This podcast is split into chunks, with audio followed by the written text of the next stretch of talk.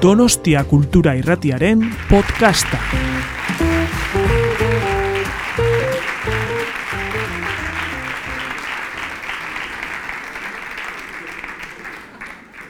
Arratsaldeon guztioi eta ongi etorri literaktun jaialdira, aurten literatura eta zinema ardatz duen letren jaialdia. Lehenik eta behin, eskerrak eman nahi dizkizuegu gaur hemen egoteagatik, Lugaritz kulturetxean, Eduardo Mendoza idazlearekin izango dugun izketaldi zoragarriaz gozatzeko. ¿Qué decir de nuestro invitado de hoy? Creo que no hay persona en este país, y fuera de, de él, me aventuro a decir, que no haya leído alguno de los libros que componen la extensa obra hasta la fecha de Eduardo Mendoza. Ganador del Premio Planeta en 2010 con la obra Riña de Gatos y del Premio Cervantes en 2016 por toda su trayectoria, entre otros galardones, es uno de los grandes escritores españoles de nuestro tiempo. Es novelista, ensayista, autor teatral, de relatos, abogado y traductor. No sé si el orden es el correcto, lo cambiaría, luego se lo preguntamos. Y podemos decir de su estilo narrativo que es sencillo y directo, no exento de cultismos y arcaísmos, así como del lenguaje popular en su más pura expresión. Es propenso a dar pábulo, ustedes lo saben, a personajes marginales en sus obras. De hecho, en algunas de ellas los rasgos de la novela picaresca están muy presentes. Y todo ello con el telón de fondo de su ciudad natal, Barcelona, que se convierte así en una protagonista más de su obra. Con su primera novela de 1975, La verdad sobre el caso Savolta, que años después sería llevada al cine y de la que también hablaremos en el día de hoy, inauguraba una nueva etapa de la narrativa española, donde el relato y el interés por la historia que se cuenta, utilizando un lenguaje literario lleno de sutilezas e ironía, cobraban especial importancia entre la crítica y el público. Cuatro de sus novelas han sido llevadas al cine, como la anteriormente citada, La verdad sobre el caso Savolta. A esta hay que sumar El misterio de la cripta embrujada, La ciudad de los prodigios y El año del diluvio, además del relato sobre el que se sustentó el guion de la primera película como director de José Sacristán, Soldados de plomo. Itzaldi parte hartzailea izatea gustatuko litzaiguke, beraz, gonbidatzen zaituztegu gure gaurko protagonistari egin nahi diozuen galdera horretan ere pentsa dezazuen. Podéis ir pensando en una pregunta que le queráis formular a nuestro invitado de hoy y cuando estemos a punto de cerrar la conversación tendréis la oportunidad de, de conversar también todos ustedes con, con nuestro invitado. Ahora sí, es un placer saludar a Eduardo Mendoza. Buenas tardes, señor Mendoza, ¿qué tal? Muy bien. Bueno, ya ve que el título de este conversatorio es El año del diluvio y aquí en Donostia nos gusta recibir a nuestros invitados como, como Dios manda. Desde el lunes estamos eh, en pleno homenaje. Muy, muy bien. Teníamos que parar en algún momento la presentación, lo habrán notado, porque se nos podía ir de las manos, ¿no? Es que su obra, claro, es, es muy extensa, sus logros, premios y todo son muy grandes, muy extensos y, y no tendríamos tiempo, perdónenos. Perfecto. Y si quieres seguir, si quieres seguir, puedes seguir, yo me callo yo. Decíamos en la portada que usted es novelista, ensayista, autor teatral de relatos, abogado y traductor. Ahora sí se lo pregunto, ¿este orden es el correcto o lo cambiaría? Mm, No, no, este orden es el correcto, quizá inverso. Empecé como abogado, malo, muy malo, eh, porque estudié la carrera de Derecho, nunca pensé que me fuera a ganar la vida eh, como escritor. Yo quería escribir, pero pensé que tenía que buscarme otro oficio. Luego fui traductor por la misma razón, pero ese trabajo siempre me gustó mucho y he seguido siendo traductor. Fui traductor profesional, intérprete, pero, pero he- también he hecho traducciones literarias y las sigo haciendo porque me gusta mucho. Y luego, pues eso, ensayista, mm, así, eh, aprobado justito. Eh, autor teatral de relativo éxito, porque es muy difícil poner en, en escena una obra de teatro, y novelista, pues por lo que es por lo que más eh, se me conoce. Bueno, pues nos metemos en harina, señor Mendoza. ¿Cómo cree que ha tratado el cine sus novelas? con cariño, con respeto y con un éxito relativo. Mm, vamos a ver, vamos, me, me voy a explicar un poco más. Venga. ¿no? Quizás será mejor que... Bueno, hay, hay cuatro adaptaciones cinematográficas. Cuando, cuando eh, la primera, en la primera ocasión, mi, mi querido amigo Juan Marsé, que tenía una larga experiencia ya de adaptaciones de novelas suyas al cine, me dijo, mira, si te proponen hacer una película, coge el dinero y corre. Pero no era verdad ni en su caso ni en el mío. Es muy difícil decir, bueno, págame y me olvido del asunto. Siempre uno pone interés, pone curiosidad y las cosas salen eh, como salen. En, en, yo he tenido la, la mala suerte de, de, que las adaptaciones se han hecho en una época en la que el cine español tenía eh, bajos presupuestos, mm, un mercado muy limitado, era un momento a la baja del cine español. Y, y profesionales mmm, con una formación bastante autodidacta. Eh, no, no, había unos guionistas profesionales, equipos de guionistas profesionales, técnicos, con lo cual las películas son artesanales, hechas con entusiasmo, con verdadero interés, pero con resultados no, no excitantes. Mm, cada una es, es como es. La, la, primera, la verdad sobre el caso Savolta, si quieres repasamos, como son cuatro, podemos eh, pasar por la historia. Le, iré de, preguntando por, por cada una de ellas, ¿eh? pero ah, bueno, pues, como pues, se sienta más cómodo. Si quieres, con esto doy por terminada la, la introducción y pasamos al... Muy bien. Usted ha participado en la elaboración de, de, los guiones de esas adaptaciones al cine de las, que, de las que hemos hablado, de las que hemos mencionado. Hay autores que prefieren mantenerse al margen, no es su caso. ¿Qué le impulsó a participar en, los proyectos? No yo, no, no, yo no he participado. A ver, en, en, el, en la primera, claro, cada una, es, eh, como he dicho, es distinta. La primera me yo estaba viviendo además eh, fuera, de, fuera de España, estaba en, trabajando en Nueva York. Y, el, productor de la película vino a Nueva York, me dio el guion, me dijo, tienes esta noche para leerlo, mañana me vuelvo a Madrid y me has de decir que te gusta mucho porque no se pueden hacer cambios. Bueno, lo, lo leí, pensé, haría bastantes cambios, pero le dije, está muy bien y ahí se acabó mi colaboración. En la, en la siguiente, que fue la cripta basada en una... Ahí, bueno, por, como el director era un buen amigo mío, murió, eh, tuvimos conversaciones, pero pasó lo mismo. Él, él estaba en, en, trabajando en Barcelona, yo trabajando en Nueva York. Intercambiamos ideas, pero yo no hice nada. En la ciudad de los prodigios también me mantuve al margen porque esa es otra historia que, que necesita más tiempo. Y en la, en la, que sí participé en el guion fue en el año del diluvio. También fue una película con muchos eh, altibajos previos a al rodaje, pero el guion finalmente lo hice yo a medias con, con el director, con Jaime Chávarri también somos muy buenos amigos.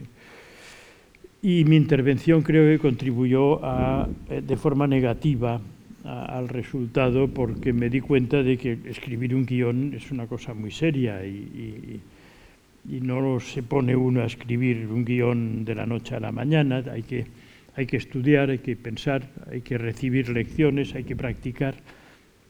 Y yo no, no, no, no tenía ni idea. Me cuesta mucho trabajar en equipo, porque claro, por mi profesión estoy acostumbrado a hacer lo que me dé la gana y, y trabajar siempre solo, cuando quiero, como quiero, con mi ritmo. Eh, en fin, hacer un guion pues eh, es un trabajo, trabajo de equipo. Total, que es, esta es toda mi historia como guionista. No obstante, entiendo que llevar la obra a ese otro lenguaje tan diferente, lo comentaba usted, eh, como es el del cine, tiene que ser complicado, ¿no?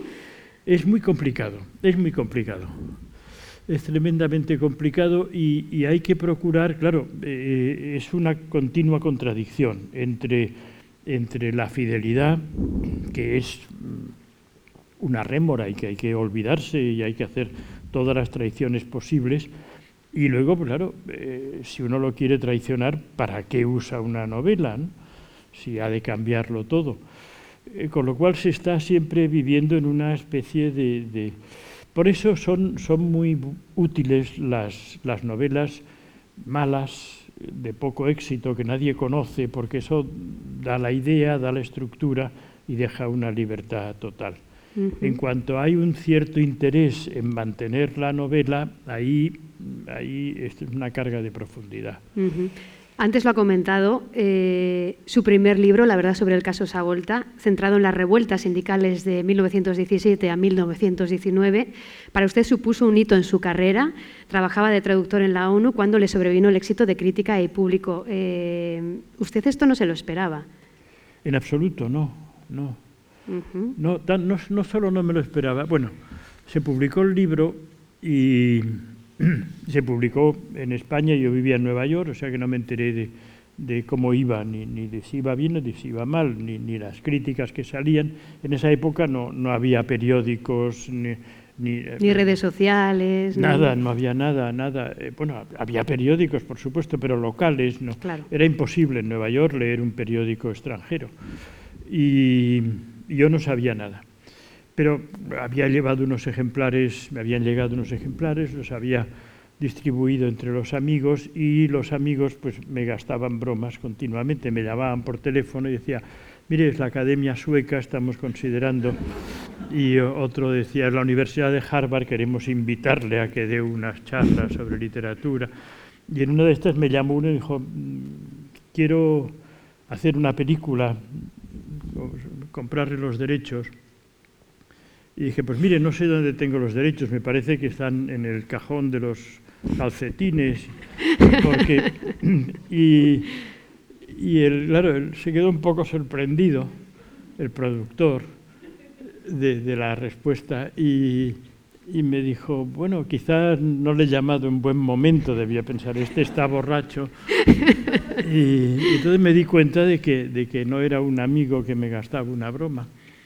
Y le dije, no, no, perdón, perdón, es que, bueno, no, no, sé cómo salí del paso. La cuestión es que, es que llegamos a un acuerdo y, yo me quedé muy, muy sorprendido de que alguien quisiera hacer una película de una novela que acababa de salir, de la que no tenía ninguna referencia de, de, su, de su, trayectoria. Esa fue la, así fue, empezó, empezó lo de... Eh, se hizo también, es un, en fin, el, guion lo hizo un, novelista uruguayo, Tacho Larreta, que había ganado un premio Planeta ese año, un hombre que estaba, y un hombre muy, muy comprometido políticamente, y coincidió además, se hizo, no, recuerdo el año de, la, eh, de la escritura y, de la, y del rodaje de la película, pero eran los años más más activos de la transición. Entonces, claro, la película está cargada de intenciones inmediatas, aunque está hablando de un suceso de principios de siglo en Barcelona, en realidad pues está pasando ese mismo día en Madrid. Y la, película se resiente un poco de este, de, este bueno, inevitable contagio de, la realidad. No obstante, con el listón tan alto que había dejado la, novela, ¿no le dio un poco de vértigo aceptar eh, bueno, el ofrecimiento de llevarlo al cine? Bueno, no, no, la verdad es que primero pensé que además, que, sea lo que Dios quiera, no, no, primero pensé, me haré rico, es lo primero que, que pensé, pero luego enseguida cuando vi las cifras me di cuenta de que no, de que tenía, estaba viviendo en Estados Unidos y pensando en Hollywood y, en Broadway y, de eso y de eso nada, sí, de eso nada, no, no, eh, se gana muy poquito dinero. Tras el éxito de esa primera novela, pasó por un largo periodo de incertidumbre. Había que enfrentarse a la hoja en blanco de la segunda novela, con unas expectativas, bueno, pues, pues muy altas, ¿no? Que había dejado, la verdad, sobre el caso esa vuelta eh, con respecto a crítica y público. También estaba la adaptación a su nuevo hogar en Nueva York. Eh, es entonces cuando decide escribir eh, lo primero que se le pase por la cabeza y hacerlo por pura diversión. ¿Cómo acaba escribiendo en el plazo récord de una semana El misterio de la cripta embrujada y por qué una novela policíaca? Bueno, por eso, por eso mismo. Eh, estaba intentando escribir la segunda, no la segunda novela, en realidad la, primera novela que publiqué era la cuarta o la quinta que escribía. Pero, pero estaba intentando volver a escribir una novela después de haber publicado una eh, que había tenido más repercusión de la que yo esperaba, incluso de, de lo que yo deseaba, porque yo quería fin, en mis fantasías pensaba, tendré un poquito de éxito, la siguiente más, la siguiente más y acabaré siendo muy Algo progresivo, ¿no? Sí, eh, sucedió todo lo contrario. Desde entonces siempre dicen la buena era la, era la primera. pero bueno, pero no, no, no, me, no me quejo en absoluto. Pero eso sí es verdad, me pensé, ahora, ahora qué hago yo, porque si, si escribo otra igual, dirán, este se repite, si la escribo distinto, distinta, dirán, queríamos una como la anterior. O sea que no sabía qué hacer y le daba vueltas y le daba vueltas. Y un día dije, bueno, pues ya está, no, no quiero que, como me ganaba muy bien la vida, estaba viviendo en Nueva York, estaba muy contento, eh, no tenía ninguna necesidad ni de, ni de publicar, ni de triunfar, ni de cobrar, nada, nada tenía y para, ¿y para qué me estoy yo torturando? Claro. Me divierte Es muy del ser humano, también le digo, ¿eh? lo de torturarse. Sí, sí, sí, no, bueno, yo soy tan neurótico como el que más, pero, pero pensé, bueno, basta, basta ya, si, escribo para divertirme, o me divierto o lo dejo.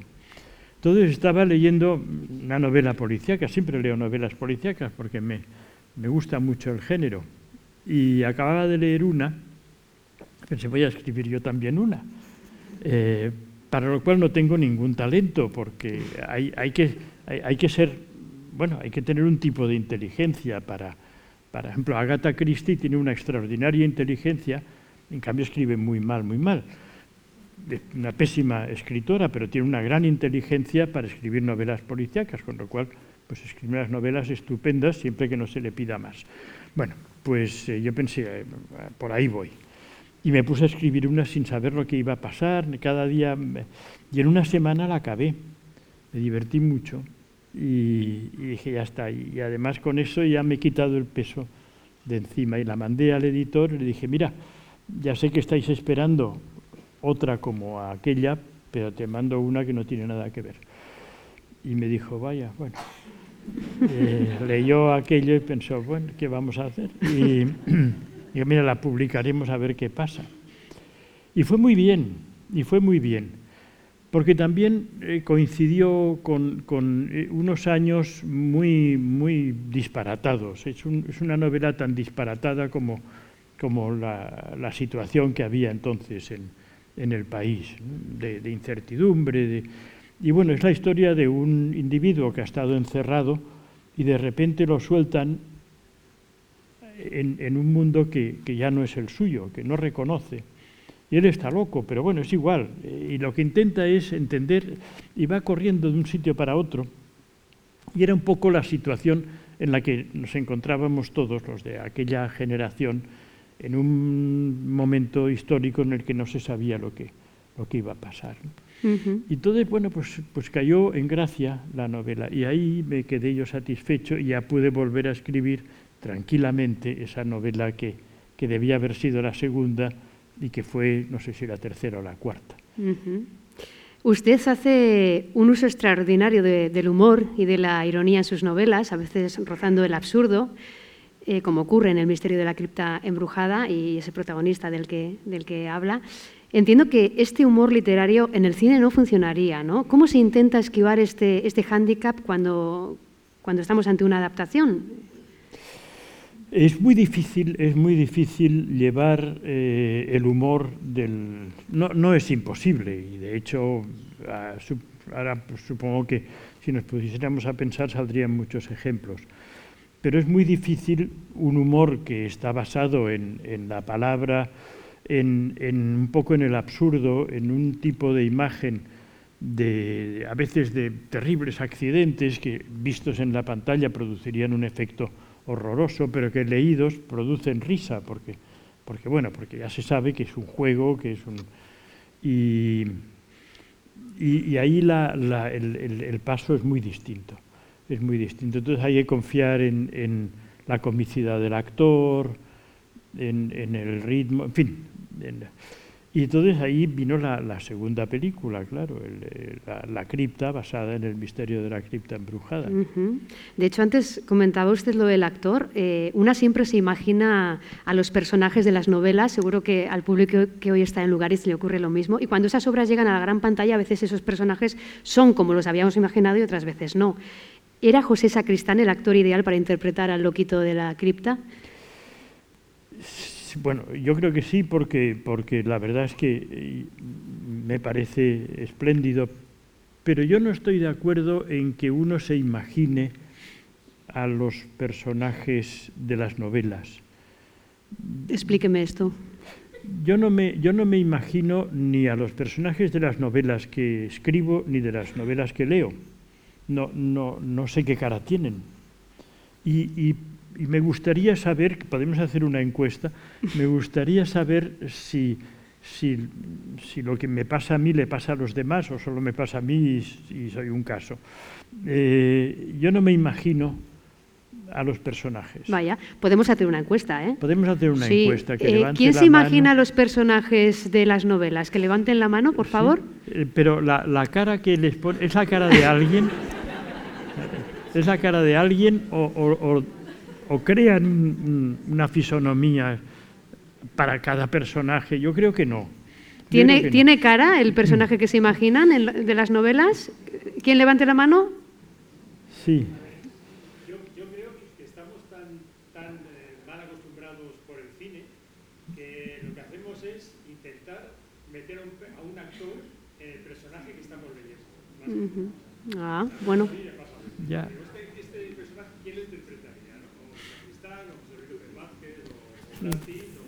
Interesante. Sí, sí, bueno, eh, no, no, eh, seguramente. Yo, yo cuando, cuando, cuando escribo no tengo ni idea de, de, Incluso a veces hago una descripción, pero la hago porque me parece que la tengo que hacer.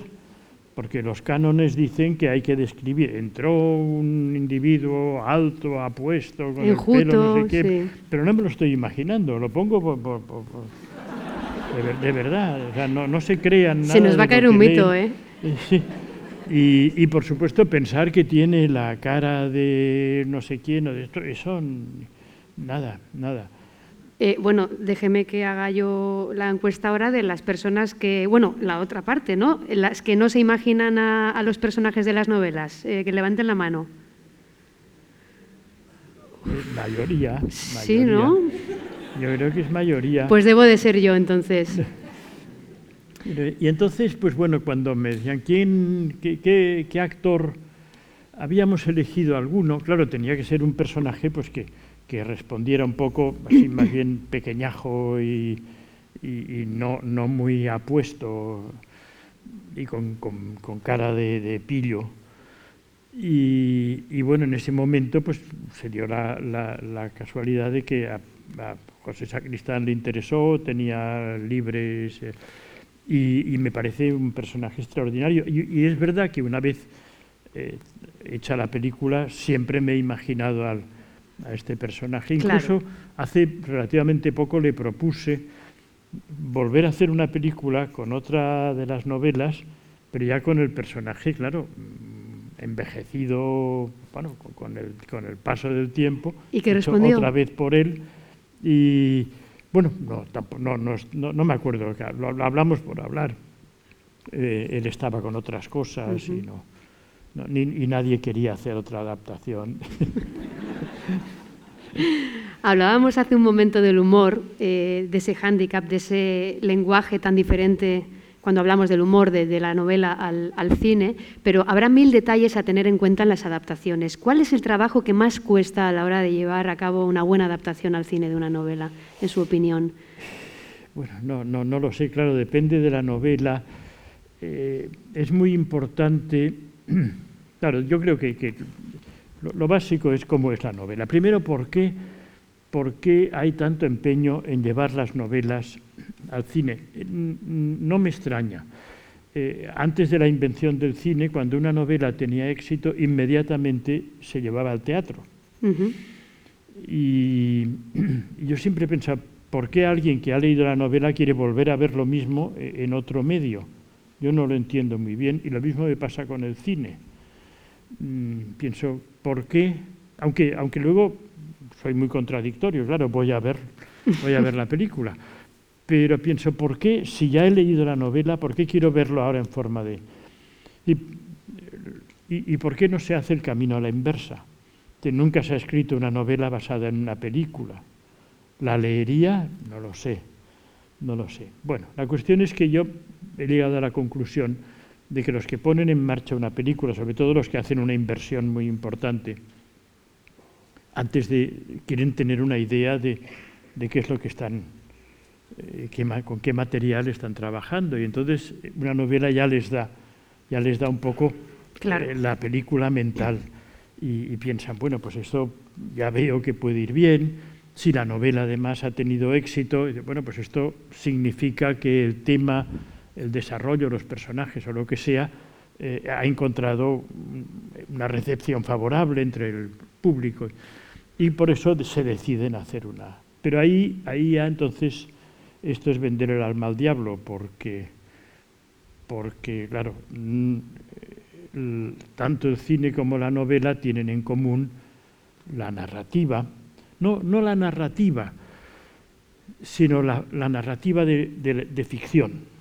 Yo creo que es importante, no, no se trata de contar una historia, sino de contar una historia ficticia, falsa es importante que sea falsa, porque solo si es falsa nos podemos identificar. Ni cuando veo una película que dice basada en hechos reales, ya no la veo, porque no me interesa. Prefiero saber qué pasó, ir a los periódicos o ir a... A mí me gusta que sea una creación, una creación. Bueno, total, que, que, ahí ya van juntas la novela y la, y la, y, la película, pero a partir de ese momento ya se empiezan a separar porque, porque son dos lenguajes, no, no dos lenguajes distintos, dos formas de, de, de diametralmente opuestas. Una novela exige una gran imaginación positiva. Es, es, es, es un fenómeno extraordinario que unas letras sobre un papel en la cabeza se conviertan en escenas tremendas, batallas, eh, suicidios, amores, eh, situaciones cómicas, cuando en realidad ahí solo hay un... En el cine no hace falta imaginar nada, pero en cambio hay que hacer una gran imaginación negativa, que es saber que este individuo, que sé cómo se llama, que ha hecho otras películas, que sé que se ha casado, se ha divorciado, cuánto le pagan, está haciendo una serie y anuncia unos productos cosméticos, me estoy creyendo que lo que le está pasando ahora. Esto es, un, es un, un, ejercicio de imaginación tremendo. Y lo hacemos, lo hacemos. Por lo cual, ya claro, ahí hemos entrado en dos vías completamente distintas. Hay que cargar eh, en un lado. Eh, y, ahí pues lo mejor es, yo creo, leer la novela, guardarla en un cajón, olvidarse y entonces con lo que uno recuerda empezar a escribir un guion. No volver a mirar la novela nunca más porque eso es, eso es radioactivo. Por lo tanto, entiendo que usted es de los que piensa que lo mejor que le puede pasar a un libro es que la película traicione de alguna manera ese libro, ¿no? que, que vaya un poco por, por su cuenta. Sí, claro, habría que, eh, eh, cuando uno escribe un guion, piensa, ¿para quién lo estoy escribiendo? ¿Para el que ha leído la novela o para el que no la ha leído? Claro. También depende mucho. Hay, hay, hay un tipo de, de novela que tiene unos lectores muy exigentes. Por ejemplo, El Señor de los Anillos los adolescentes, que los que leen esto, eh, luego dicen, no quiero que este personaje haga lo... porque eso, han puesto una carga emocional más grande. Un adulto, pues me da igual, me da igual que Ana Karenina se, caiga al tren o no, eh, que, la película esté bien, que, sea interesante y, ahí, bueno, pues... pues mm. Háblenos de Soldados de Plomo, que fue la primera película de José Sacristán como director del año 83, donde usted también participó de forma activa. Eh, he leído que fue un encargo del propio José Sacristán tras el rodaje de La Cripta. Como que ustedes entendieron bien, vamos. Eh, ¿Fue esto así realmente? Mm, sí, mm, nos hicimos muy amigos. En esa época, además, eh, José Sacristán, yo vivía en Nueva York y él decidió instalarse allí una temporada, pues, pues bueno, para, para, cambiar de aires. Estaba ya muy, muy agotado de, de hacer muchas películas y se pasó una temporada muy larga en, en Nueva York y allí estábamos los dos. Bueno, eh, yo trabajaba poco y, él nada, con lo cual teníamos mucho rato para, para charlar, pasear, ver, íbamos al cine. Y él quería dirigir, quería probar de dirigir. Y entonces, bueno, pues eh, luego él se volvió, se volvió a Madrid y yo me quedé en Nueva York y, le propuse una, una, historia. Quedamos en que haríamos. Le propuse, en realidad era un, esquema, un esquema de guion, no, no era un guion entero, que fue el que lo, el que lo desarrolló. Yo le propuse una historia, la desarrolló, hizo la película, y yo no, no participé más en, en eso. Siguiendo con un uso cronológico de las adaptaciones, de sus adaptaciones, después llegaría La ciudad de los prodigios, su obra, su obra cumbre en papel que sería adaptada al cine en el año 99 de la mano de un director de fuerte peso literario, como fue Mario Camus. ¿Esto es así? Sí, sí, sí, sí, sí. Sí, eh, bueno, esta, la, la adaptación esta tiene una historia también muy larga y muy complicada. ¿Qué año es la, ¿De qué año es este? Porque no me acuerdo de las fechas, de nada. 99. El 99. Claro, eh, para el 92, para las, eh, los Juegos Olímpicos, el ministro de Cultura, que entonces era Jorge Semprún, también gran novelista y, hombre que ha hecho mucho cine, había hecho muchos guiones cinematográficos, me dijo, tenemos que hacer una película que, ya que los Juegos Olímpicos serán en Barcelona, una película sobre Barcelona, eso viene muy bien, hablaré con Costa Gabras y, a ver si hacemos una película. Bueno, eh, no pasó nada, pero allí la, idea empezó ya a dar vueltas. Entonces eh, otro la cogió, pasó, ya me, bueno, fueron pasando los años. de, esto fue si era para, el 92, debía ser el año 90, hasta el 99 no hubo nada. Durante estos nueve años dejó de ser ministro Semprún, pasaron los Juegos Olímpicos, ya no me acuerdo qué más pasó, total que al final un productor se, quedó con la, con la película. Había, tenía que ser coproducción eh, franco-hispano-portuguesa no suele salir bien. Eh, con actores de aquí, de allá y guionistas. Empezaron a venir guionistas franceses, portugueses. Yo estaba por allí, me consultaban, veía cómo iba aquello. Era, era un, un camello es un caballo hecho por una comisión, pues esto era más o menos, más o menos lo mismo. Y intervine un momento con, uno de los guionistas principales, que era un guionista de Barcelona, al que conocía. Estuvimos trabajando un poco con el guion, pero, pero eso era, era... Es una novela muy, muy ingrata para llevar al cine. Transcurren muchos años. Mm, ahora se habría hecho una serie de televisión, pero en ese momento no, no, no, existían las series de televisión. Mm, vamos a recordar que se trata de un libro con una composición, es verdad, compleja, ya que combina sin apenas grietas la gran historia de Barcelona en aquellos años. Recordamos que transcurre entre la Exposición Universal de 1888 y la de 1929, con la intrahistoria de su protagonista, que es Onofre Bubila, ¿no? Eh, claro, ¿por dónde se empieza una adaptación al cine de una novela de estas características? ¿no? Que cuenta además con personajes reales y también con ficticios, ¿no? que a veces se convierte incluso en crónica social de aquella época.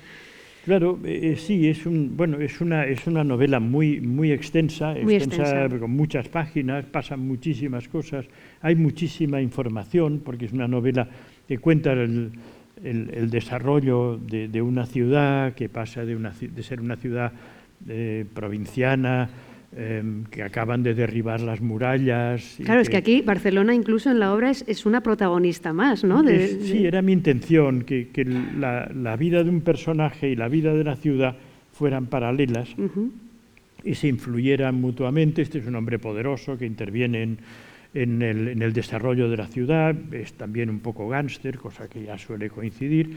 Y, y bueno, y la ciudad, pues, en fin, se, eh, se atreve a organizar en 1888, cuando es una ciudad muy pequeña, más bien fea y ins- insalubre, una ciudad portuaria, decide competir con, con- París y con Londres y organizar una exposición universal, para lo cual pues hace un gran proyecto, edificios, y da el paso hacia la modernidad, y a partir de allí pues empieza la ciudad a hacer su, su ensanche, to- toda la... toda- todo esto, claro, mezclado con los problemas sociales de la época, con los, los problemas eh, políticos, to- todo, todo el...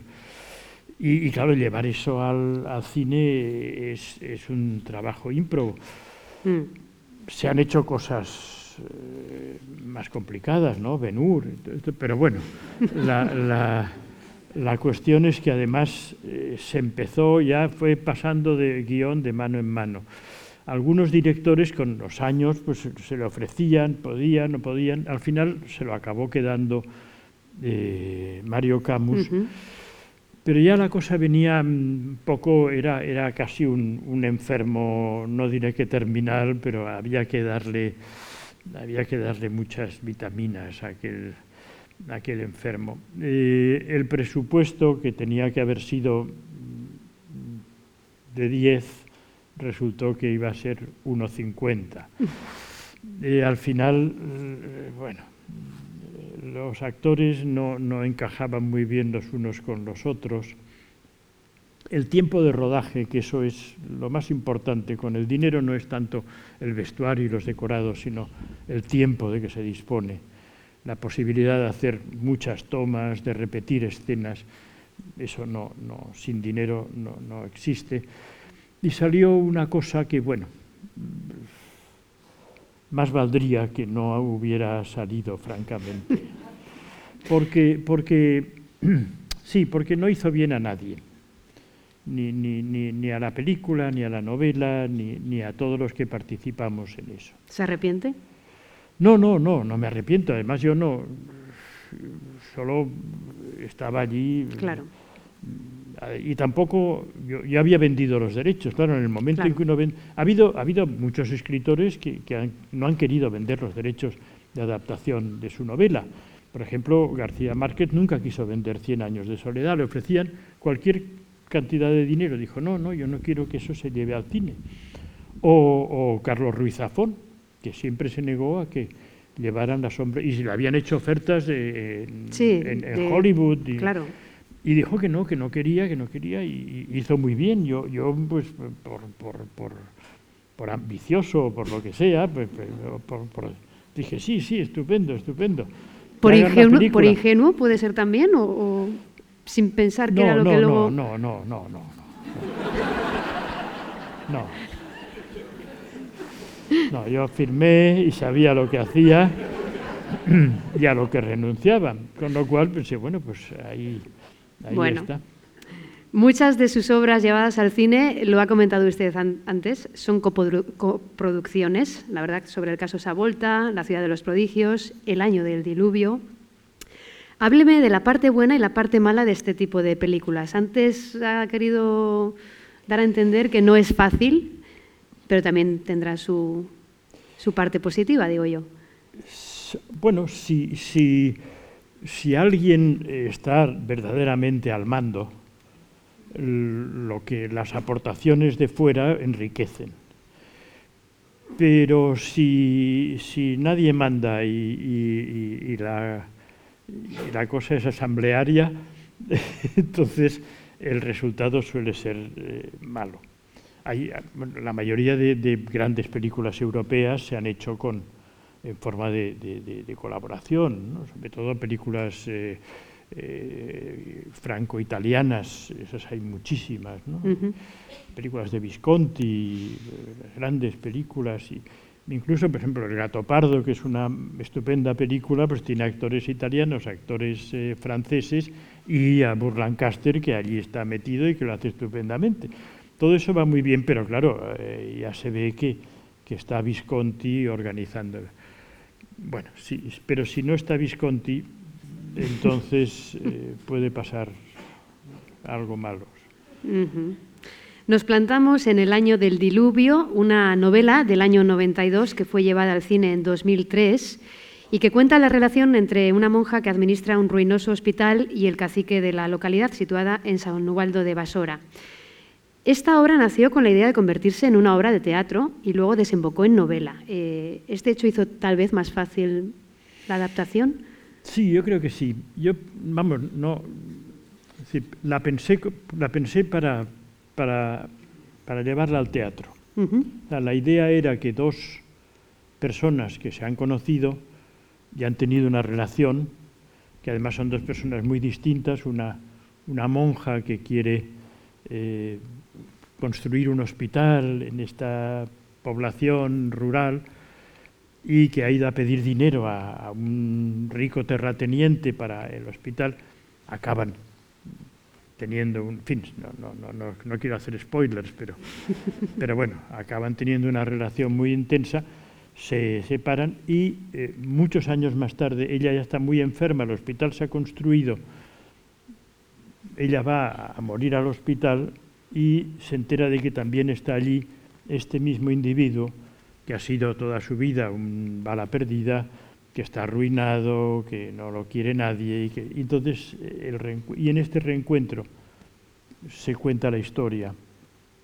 El esquema era este, con lo cual pues, era muy fácil para, para llevar al cine. Eh, tenía que haber sido una obra de teatro, pero no, me, no, me, no tenía ganas, no me salía como teatro, no la, no la veía y entonces la escribí como novela. Eh, no, no, no era un, una, una, recuperación del tiempo perdido, sino una novela lineal, que, pero la, la, historia era la misma y claro, eran dos personajes, era una novela de dos personajes y un tercero. Y, y era una novela fácil de, de, llevar, porque la historia era muy lineal. Además es la historia, la historia de un milagro, en fin, es una, es una, a mí me gusta mucho, yo creo que es una de las novelas de las que he escrito, de las que más me gustan. No tuvo mucho éxito, pero en cambio tuvo mucho éxito en Francia. Y de ahí vino todo, porque la quiso comprar, la compró Gerard Depardieu para que hiciera la película su mujer, que era una actriz, Carol Bouquet, eh, una, actriz muy guapa y, que habría hecho un, de, monja estupendamente, de monja casquivana, pero arrepentida. Y, y, bueno, también yo vendí los derechos, pero esta vez con mucha ilusión, porque pensé, bueno, ahí Gerard Depardieu tenía que hacer un papel, no el, de, no el del... Cacique. No el, sino el del, el del otro, el de un, un, un maquis sí. medio bandolero, bueno, en fin, que, que, es el, que es el que obra el milagro al final. Bueno, estaba muy ilusionado. Pero luego me parece, no, recuerdo qué pasó, pero me parece que se pelearon y se separaron. Y, bueno, siempre hay daños colaterales. Yo salí perjudicado de, este, de esta separación.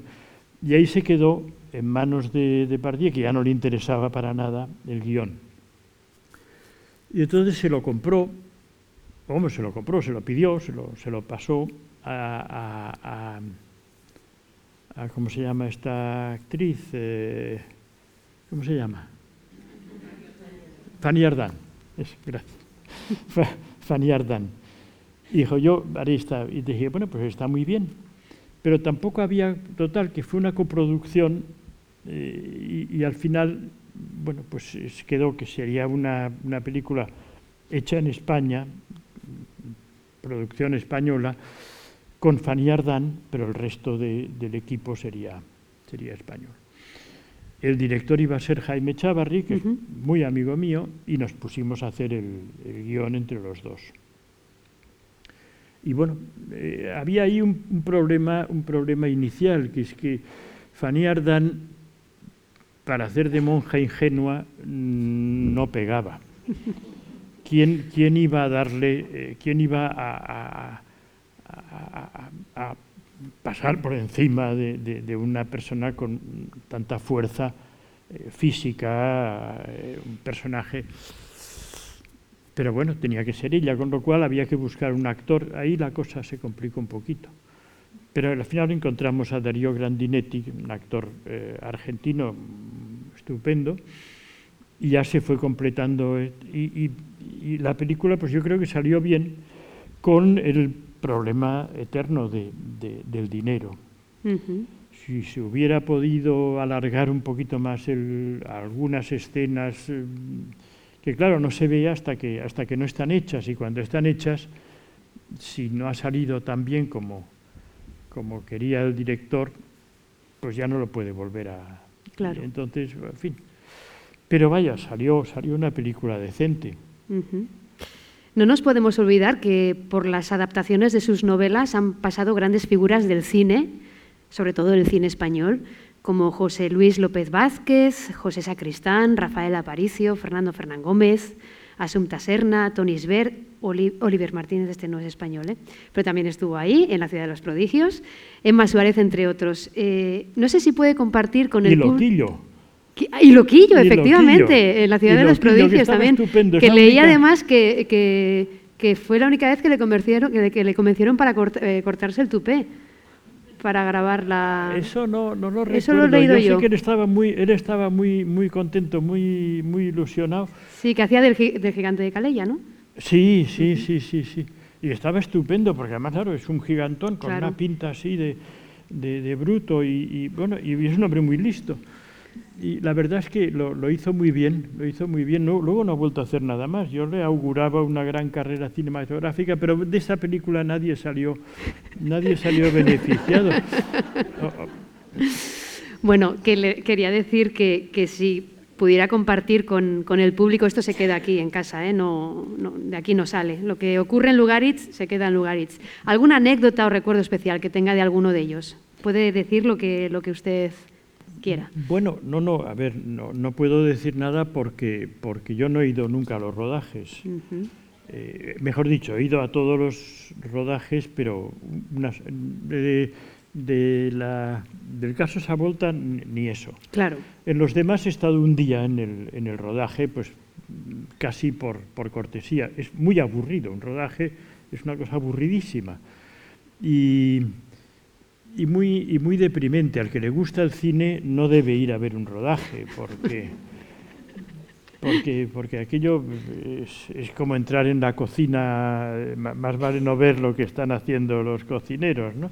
que nos sirvan en la mesa y, y, y, y, bueno, y además cuando uno va a un rodaje tiene una gran sensación de estorbar, uh -huh. pero, pero extrema siempre están pasando con unos cables y no sé qué, y uno que va con unos, siempre pasan con unos vasitos de papel, siempre están corriendo con unos vasitos de papel, aparte sé que... Y, y total, que, es muy incómodo, tampoco se entiende nada, no se entiende nada. Lo único que recuerdo, por ejemplo, del año del diluvio es que eh, eh, había una escena, en, en, claro, en el diluvio, porque al final de eso se, se produce un una, es un hecho histórico, un, unas inundaciones uh -huh. que hubo en, en, Cataluña con muchísimos muertos. Ahora se ha, se ha conmemorado no sé qué aniversario. Y, y, había una... Entonces esto se rodaba a pleno sol, y todo el mundo en seco para no, para no echar a perder el material.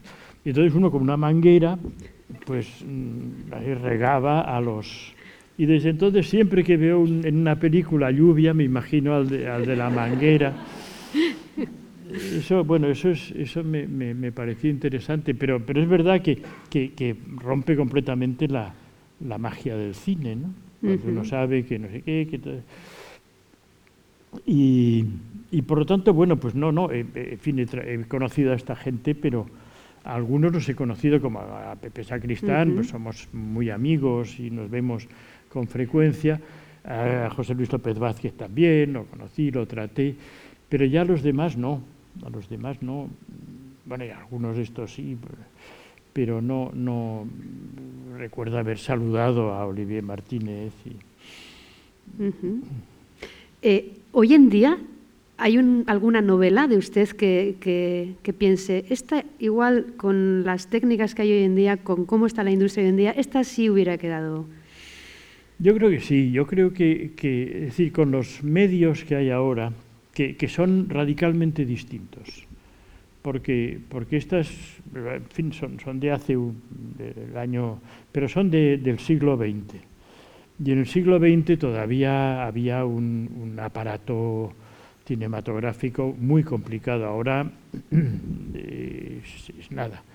Eh, y, las posibilidades de, de Chrome y de todo eso, ahora se podría volver a hacer todo de otra manera completamente distinta. Y luego hay, yo creo que ahora hay muchos guionistas y, mucho, mucha conciencia de cómo debe ser un, una- un traslado de, de historia. Mm, Las películas ya no tienen, ya no tienen esta, eh, los límites temporales, ¿no? de que no pueden durar más de dos horas. Ahora hay cualquier cosa vale. Y luego está, claro, la, la serie de televisión, que eso, Que puede ser eso por ha cambiado, sí. sí, cualquiera de estas, la, la ciudad de los prodigios, ahora con los medios técnicos que hay y con la posibilidad de hacer una miniserie, pues yo creo que se podría hacer muy bien. Pero bueno, hemos llegado tarde. Bueno, oye, Hemos- nunca es tarde, ya, tarde. Ya se verá. No, no, se verá, no, no, y estoy, no, no, no me quejo en absoluto, no, no me quejo de, de- de- de- de- he tenido, he tenido suerte en el cine porque, bueno, no me ha, la verdad es que una película buena es estupendo para la novela, porque la, la- le, le pega un arrastra, por ejemplo, lo, lo recuerdo cuando hicieron Los Santos Inocentes, eh, se vendieron de una novela que, que- que había vendido 2.000 ejemplares, se vendieron 100.000. Claro, es, es pasar a otra, a Dimensión. otra escala. ¿no? Eh, Si la película no tiene esto, pues no pasa nada. No creo que nadie diga, nunca volveré a leer una novela de este escritor porque hay que ver qué churro de película he visto. No, no. No obstante, por lo que acaba de comentar, podríamos decir que el binomio cine-literatura es una rueda que, que se retroalimenta, o esa es un poco la idea. Sí, sí, bueno, y, y- y así seguirá siendo. Y, y el teatro también. Y, pasan cosas rarísimas. Ahora, por ejemplo, se están haciendo eh, obras de teatro de películas. O sea, el, el viaje de- del, del teatro al cine siempre se ha hecho. Pero ahora se está haciendo el, el- el viaje del cine al teatro. Del cine a la novela no. Yo, eh, me, parecía, me parecería raro. ¿no? Pero del cine al teatro es muy... Y ya no digamos al musical. Ahora, pues no sé, el otro día vi que estrenaban eh, Pretty Woman, no sé qué, bueno, una película mala, ha, salido un musical, no sé. Los Miserables, fíjate, que tiene la ventaja de que es una mala novela, una mala película y la música es muy mala. Y solo puede mejorar. Eh, sí, Bueno, nos queda pendiente hablar de proyectos futuros, pero si le parece bien, llega el momento de ampliar esta charla y hacer partícipe al público que hoy está con nosotros compartiendo estos momentos en el Festival Literactum. O sea que si alguno de vosotros, de vosotras, tiene alguna pregunta, ahora es el momento, ¿eh? Beraz, norbaitek galderaren batekin nahi badio Eduardo Mendozari, orain unea da. no tengan vergüenza porque no les veo. Con, la, con los focos no, no les veo la cara. Ahí hay una persona. Pues eh, yo quería preguntar, voy a aprovechar para preguntar A ver, que es que una vez escuché decir a Woody Allen que sobre, no sé si era sobre los nombres de sus personajes en sus películas en general, eh, en su filmografía en general, o en una de sus películas concretas, la que estaba hablando, promocionando, que era que a la hora de crear los nombres de los personajes, eh, los creaba pues según tecleaba, o sea, según le venía bien teclear. Eh, eh, por comodidad, ¿no? Pues, para los dedos me viene bien así. Entonces, los nombres de, muchos de los personajes de sus novelas son, son, muy llamativos. Entonces, me gustaría saber si, si es parecido lo que le sucede o, cómo crea, cómo le vienen los nombres de los personajes.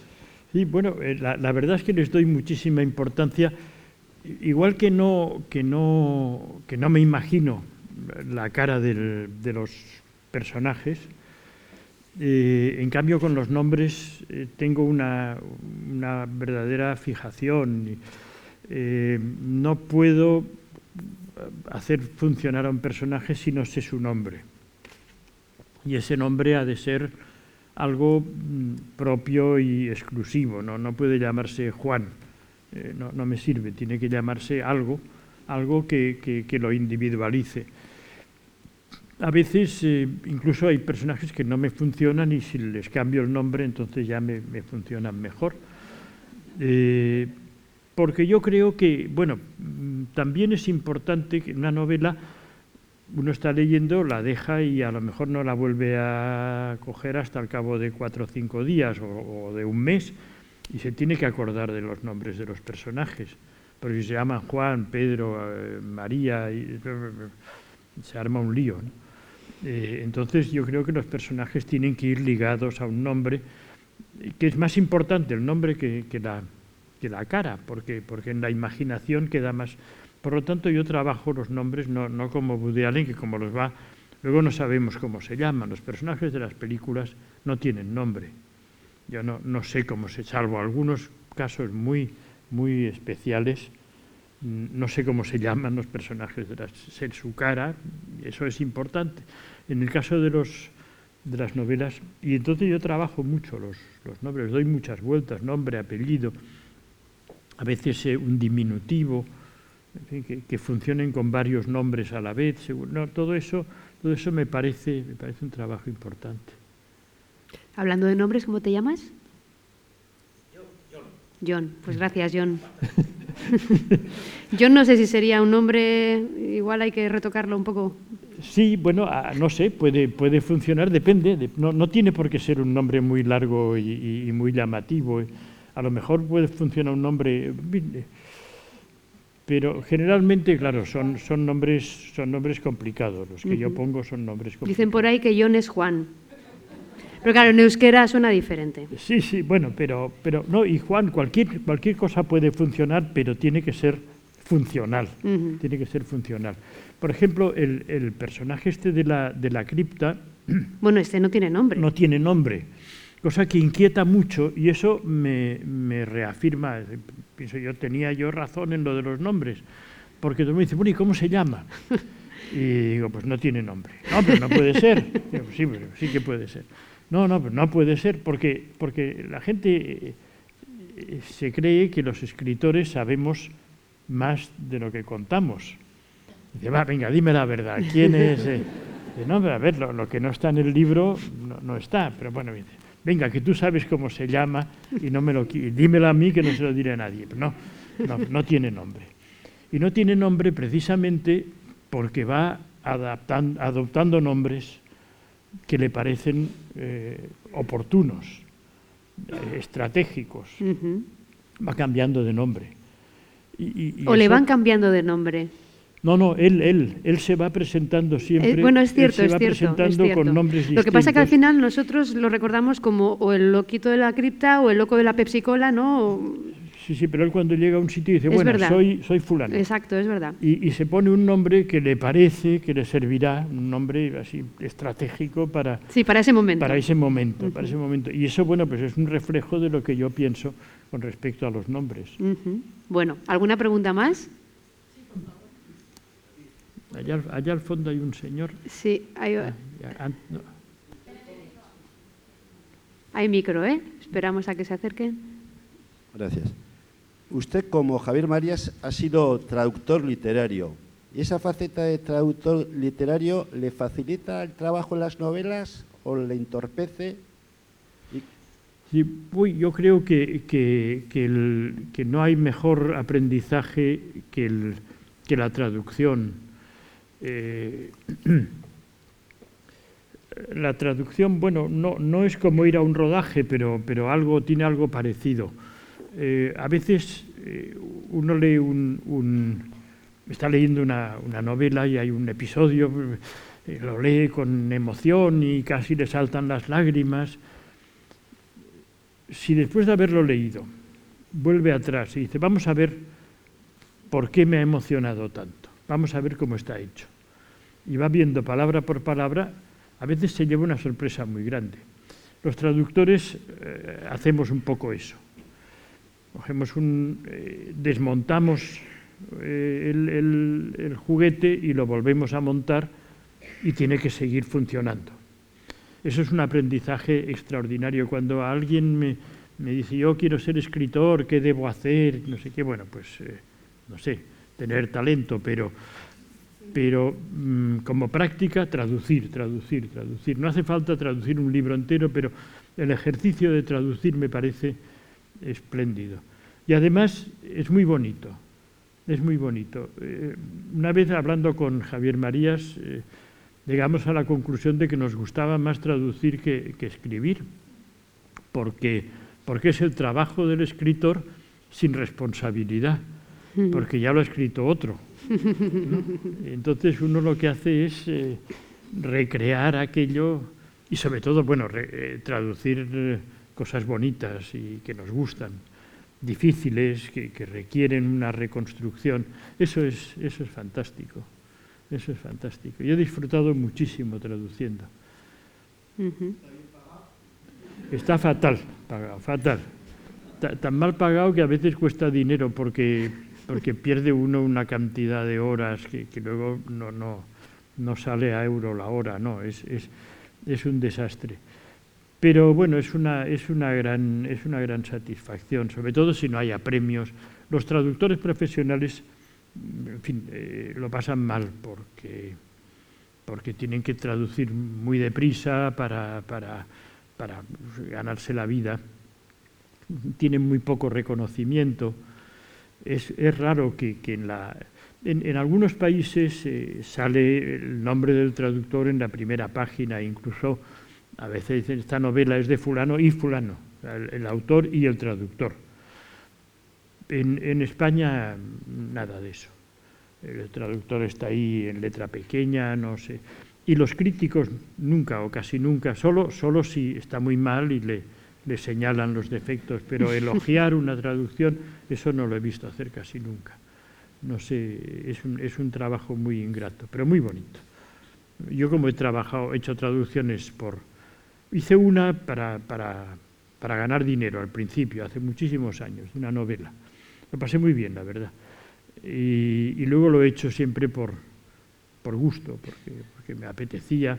Por ejemplo, entre una novela y otra, no, no me gusta acabar una novela y ponerme a escribir la siguiente, porque todavía tengo la anterior, hay que, hay que desintoxicarse, ¿no? hay que olvidar. Y, y, entonces hacer una traducción es un, es un trabajo estupendo, es un trabajo fantástico. Uh -huh. ¿Alguna pregunta más? Por ahí había... Había una señora aquí. Por este lado. Hola, buenas tardes. Buenas tardes. Eh, yo adquirí el amor por la literatura gracias a la obra del Misterio de la Crista Embrujada, cuando tenía 15 años. Y ahora tengo un hijo de 15 años que ni él ni sus amigos tienen ningún amor por leer y eso que en el colegio les obligan a leer libros.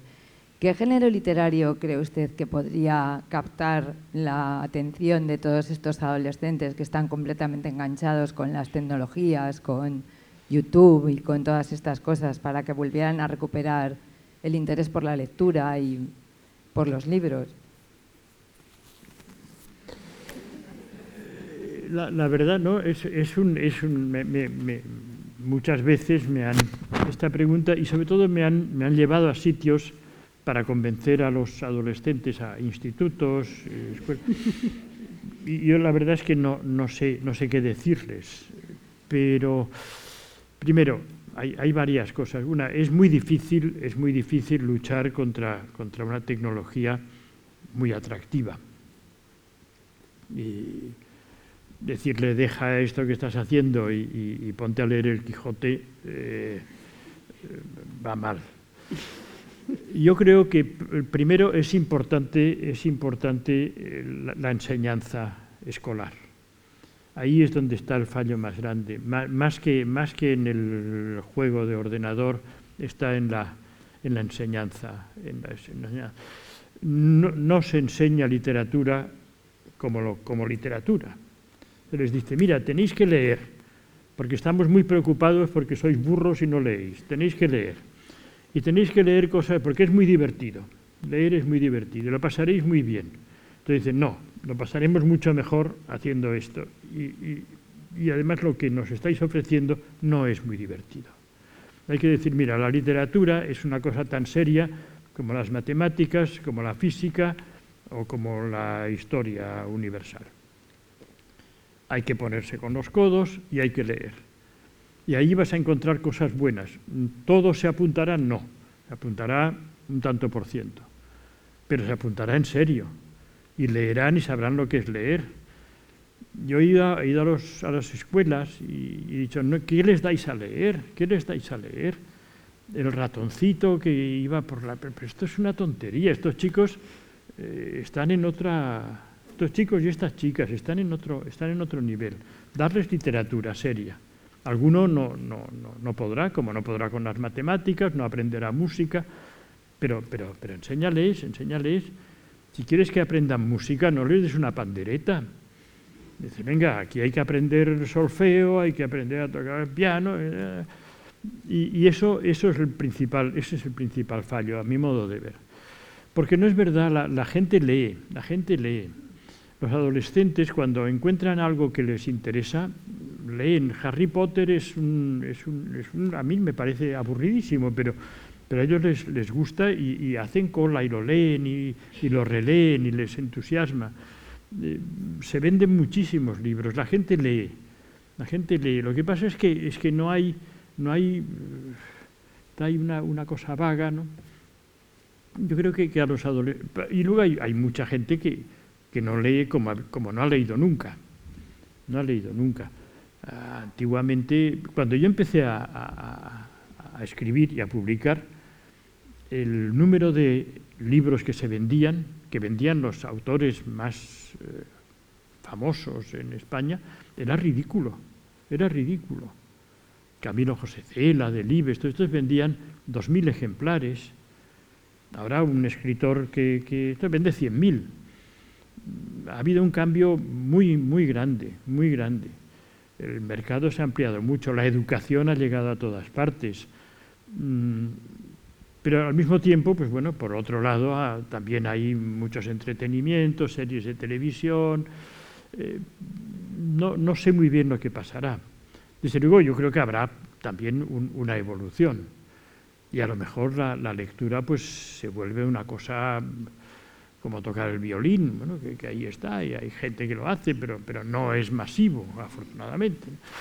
Y bueno, no, no, no, ya le digo, es Ahora, yo creo que, que, lo básico, lo básico, lo básico es que la literatura vuelva a ser una materia escolar, de, la que entra con sangre, que, que se, se, no, no, no hace falta pegar a los alumnos para que lean, pero sí inculcarles la idea de que, de que hay que hacer un esfuerzo, como hay que hacer un esfuerzo para, para, para aprender química, que no te vas a divertir mucho si miras la, la tabla de valencias, no, no, te vas a divertir nada, nada, pero en cambio es, es una cosa que puede resultar apasionante. Yo creo que este es el, este es el problema donde está. ¿no? ¿No? sé, pero bueno, es una opinión personal, no, no me tome muy en serio. Nada, seguro que, que le ha valido a, a la persona. Eh, ¿Alguien más? Por este lado tal vez que también querían preguntar algo. Ahora es el momento que pasan por ahí con el micrófono si alguien quiere realizar alguna pregunta. Sí. Hola, buenas tardes. Buenas tardes. Yo quería preguntar si cree en la disciplina del escritor. Quiero decir, hay que establecer un horario, días para escribir, no sé. Si cree usted en eso. Gracias. Sí, sí, yo creo que por supuesto, por supuesto. Eh, no hay que ser muy trabajador. No hay que ser muy trabajador. Hay que ser.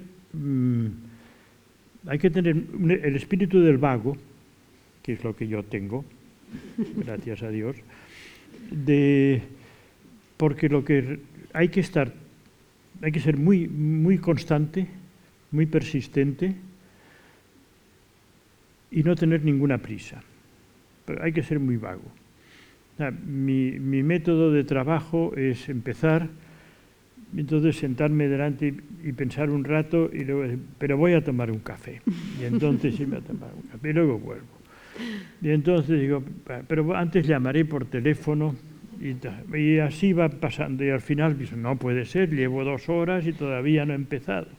Esto todos los días de mi vida, ¿eh? no, no se crea que... Y entonces ya a prisa y corriendo me pongo allí con la mala conciencia porque si no...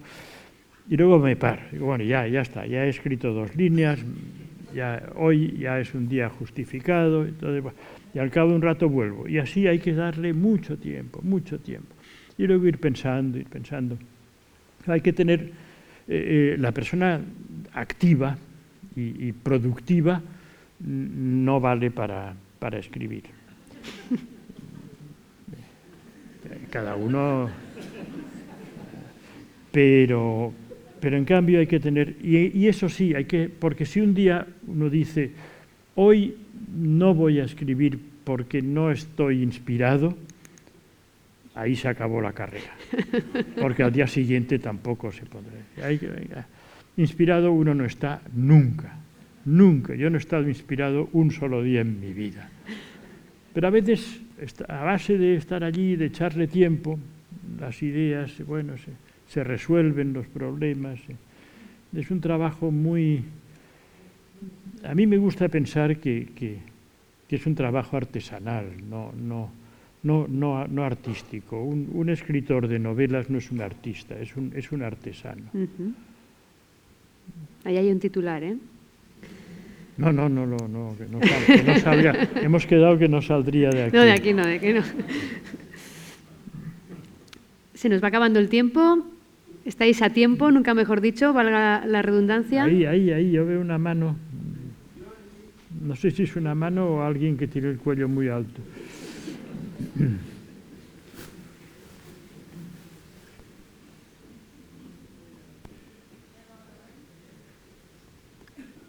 Uy, hay overbooking. Hablando de, del escritor que si se nace o se hace, yo recientemente he, oído una historia que el amigo Borges, hasta los treinta y muchos años, era un hombre prácticamente, no voy a decir letrado, pero que no leía, no leía prácticamente. Y a raíz de un accidente que tuvo, tuvo un atropello, pues este hombre a partir de los 40 años empezó como filósofo, poeta, ensayista, en fin, el gran literato. Es una historia que me dejó perplejo, la oí en televisión y no sé si tiene veracidad o no tiene veracidad.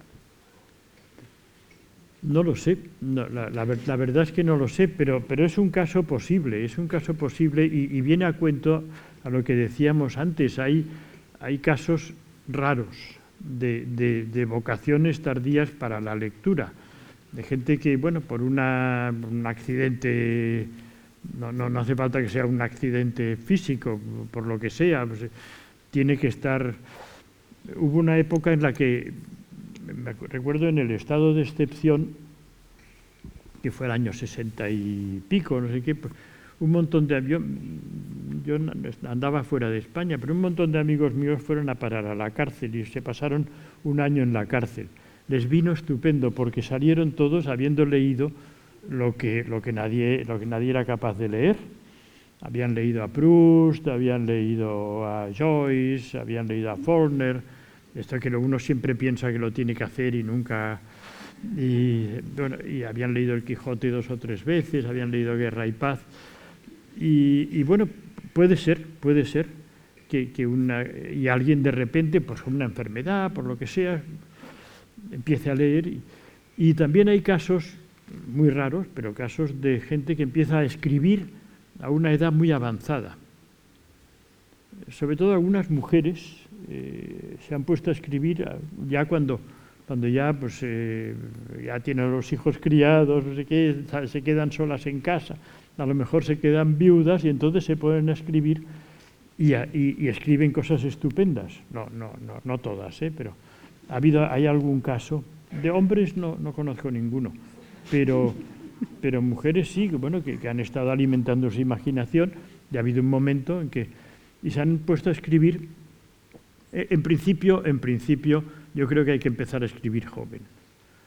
Incluso diría casi de niño, porque hay que cometer muchísimos errores y rectificar y, aprender y trabajar mucho para no, para no cometerlos, para cuando ya uno empieza a escribir eh, algo mínimamente adulto, haber pasado por todas las fases de, de, de fantasías imposibles.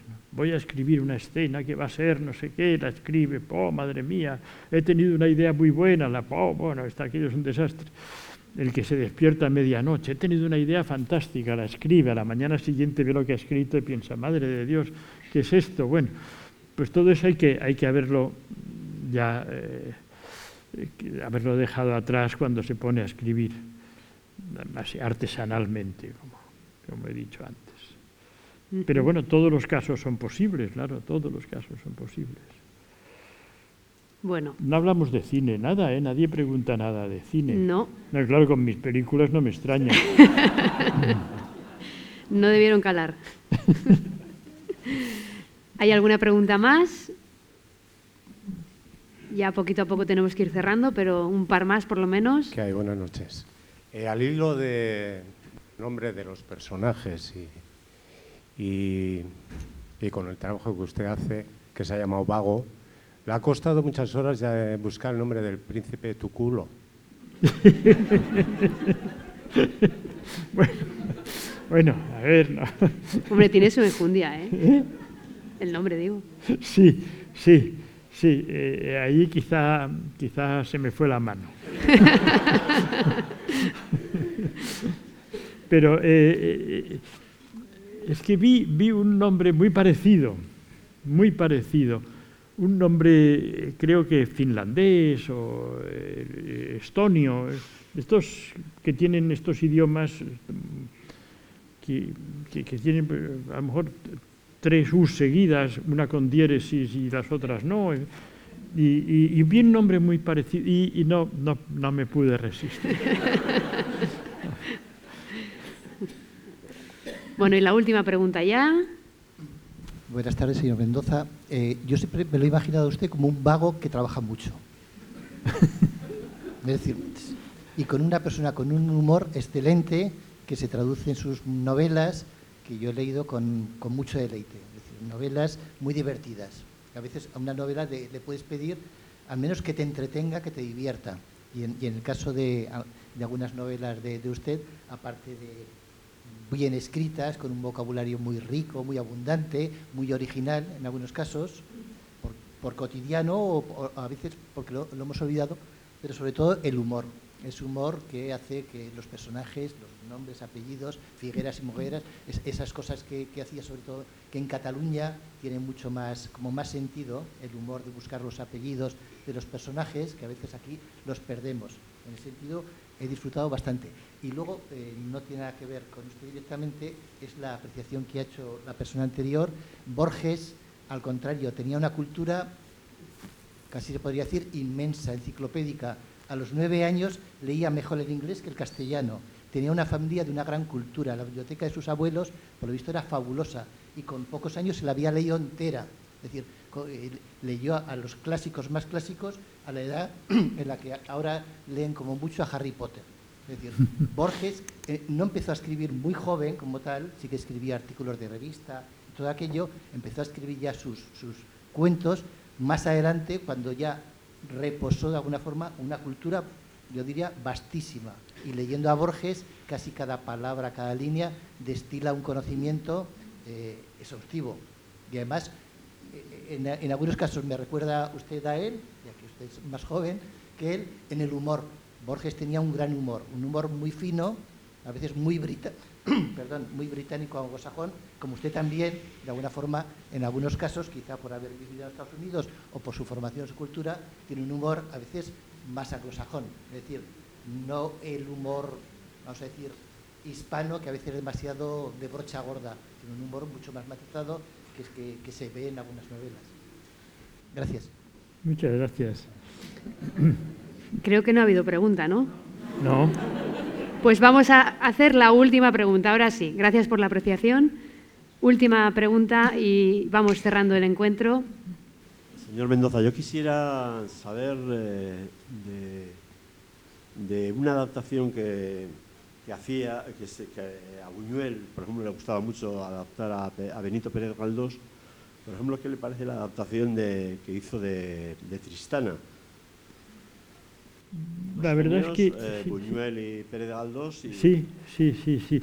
Eh, eh, mire, es un cuando cuando venía, vamos, desde que me, me invitaron a venir y tal, eh, claro, inevitablemente he estado reflexionando sobre adaptaciones de novelas al cine y no se me no, no me acordé de las de las adaptaciones de, de Galdós hechas por, por Buñuel, ¿no? que, que yo creo que son varias, eh, Tristana y, Nazarín y no sé si hay alguna más.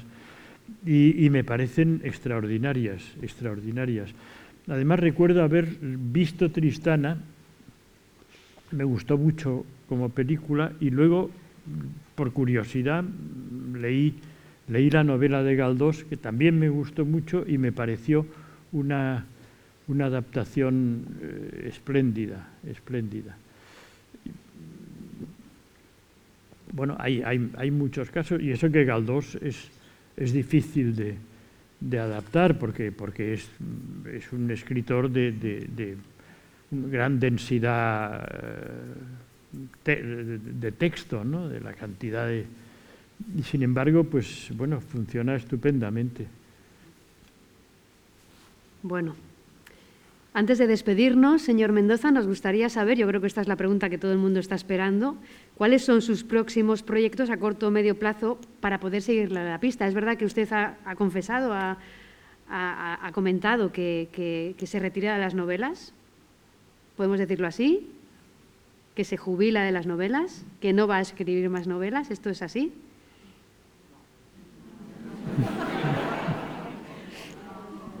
¿De verdad cree que voy a contestar a esta pregunta? No, no sé, no lo sé, no lo sé. No, no, yo dije, yo dije que, que creía que debía. Es que luego los periodistas lo tergiversamos todo. Todo, todo, no sé, no se puede. ¿Qué dijo confiar. usted? Yo dije que creía que debía retirarme. Que había llegado a un momento, por, por edad, y por, y por, y por la trayectoria. Que bueno, ya eh, con esta trilogía, que es un poco, es una buena manera de, de, cerrar y, de, y eso es lo que debería hacer. Y eso es lo que me propuse hacer y lo que sigo pensando que debo hacer. Uh -huh. Pero. Pero no sé qué hacer conmigo las 24 horas del día. Claro, porque todo este, toda esta vagancia a la que me refería antes, en algún momento tiene que venir eh, justificada, pues, si no, claro. Eh, y, y, entonces, pues no sé, no sé, no sé qué hacer. voy, voy, haciendo cosillas sueltas. Eh, afortunadamente me han salido cosas, eh, algún encargo de estos, de un prólogo, un, esto que me ha tenido entretenido uh -huh. el último y ya veremos, ya veremos lo que hago. Si hubiese alguna adaptación al cine de cualquiera de sus novelas, nos avisaría. Bueno, Aquí se si, ha creado una magia si especial, sale, ¿no? Si sale algo, no, vamos, si, eh, eh, si yo me entero, se, con mucho gusto se, lo, se lo haré llegar, pero me imagino que no, saldrá, en, en, en, saldrá anunciado en algún sitio. De momento no hay, no hay nada. Mm. Y planes, pues bueno, no, no hago, no hago Nunca, nunca he hecho planes, nunca he hecho proyecto de, carrera. A veces se me ocurre una idea, entonces me pongo a escribir y, escribo, pero no he pensado, bueno, y luego escribiré otra cosa y no, no. Eh, nunca he hecho planes. Y hay una edad en la que ya los planes se hacen a un plazo más bien corto. ¿no? Bueno.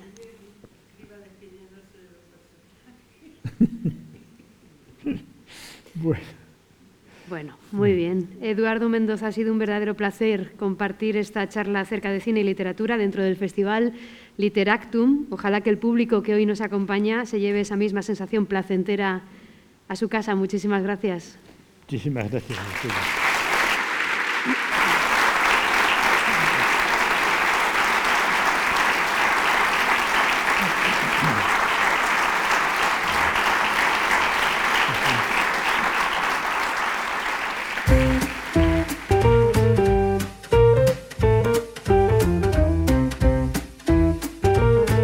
Donostia Kultura Irratiaren podcasta.